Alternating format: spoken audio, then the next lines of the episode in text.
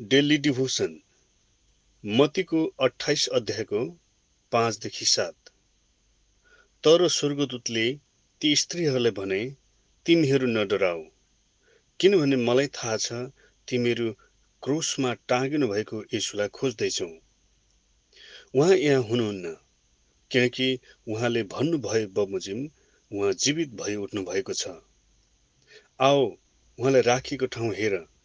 तब चाँडो गएर उहाँका चेलाहरूलाई खबर देऊ कि उहाँ मृतकबाट जीवित भई उठ्नु भएको छ र उहाँ तिमीहरूभन्दा अगाडि जा गालिलमा जाँदै हुनुहुन्छ। तिमीहरूले उहाँलाई त्यहाँ देख्नेछौ हेर मैले तिमीहरूलाई भनिदिएको छु।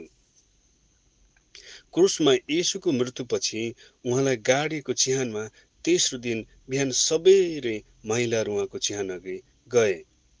यसोलाई गाडिएको चिहानको ढोका पुग्नु अघि नै ती स्त्रीहरूलाई स्वर्गदूतले भेट गरे। स्त्रीहरूलाई देख्दा स्वर्गदूतले स्त्रीहरूलाई देख्दा ती स्त्रीहरू डराए। स्वर्गदूतले यसुको बारेमा भने तिमीहरू क्रुसमा टाँगिनु भएको यसुलाई खोज्दैछौ। उहाँ यहाँ हुनुहुन्न किनकि उहाँले भन्नुभयो बमोजिम उहाँ जीवित भई उठ्नु भएको छ। आओ उहाँलाई राखेको ठाउँ हेर। ती स्त्रीहरू हत्त न पत्त चिहानको उघारीको ढोकाबाट पसेर यसुलाई खोजे तर पाएनन् किनभने यसु पुनरुत्थान भइसक्नु भएको थियो। यसुको मृत्युबाट को पुनरुत्थान जस्तो घटना विश्व मानव इतिहासमा न कहिल्यै अगाडि भयो न अब कहिल्यै पछि हुनेछ।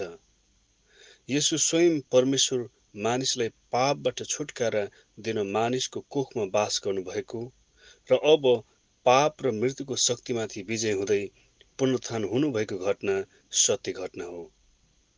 यसुको मृत्यु र पुनरुत्थानको कारणले नै आज हामीले पापबाट स्वतन्त्र भएका छौँ। मृत्युले हाम्रो आत्मिक जीवनलाई छुन सक्दैन। वचन अनुसार हाम्रो शरीर मरेर गए तापनि यसुको दोस्रो आगमन पश्चात हामी शरीरमा नै पुनरुत्थान हुनेछौँ। हल्ले लुया यसुलाई स्तुति होस्।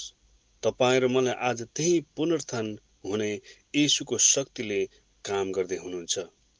मेरो प्रार्थना छ तपाईँको जीवनको सबै इलाकामा यसुको पुनरुत्थानको शक्तिले काम गरून्। शिथिल अवस्थाहरू बौरी उठुन्।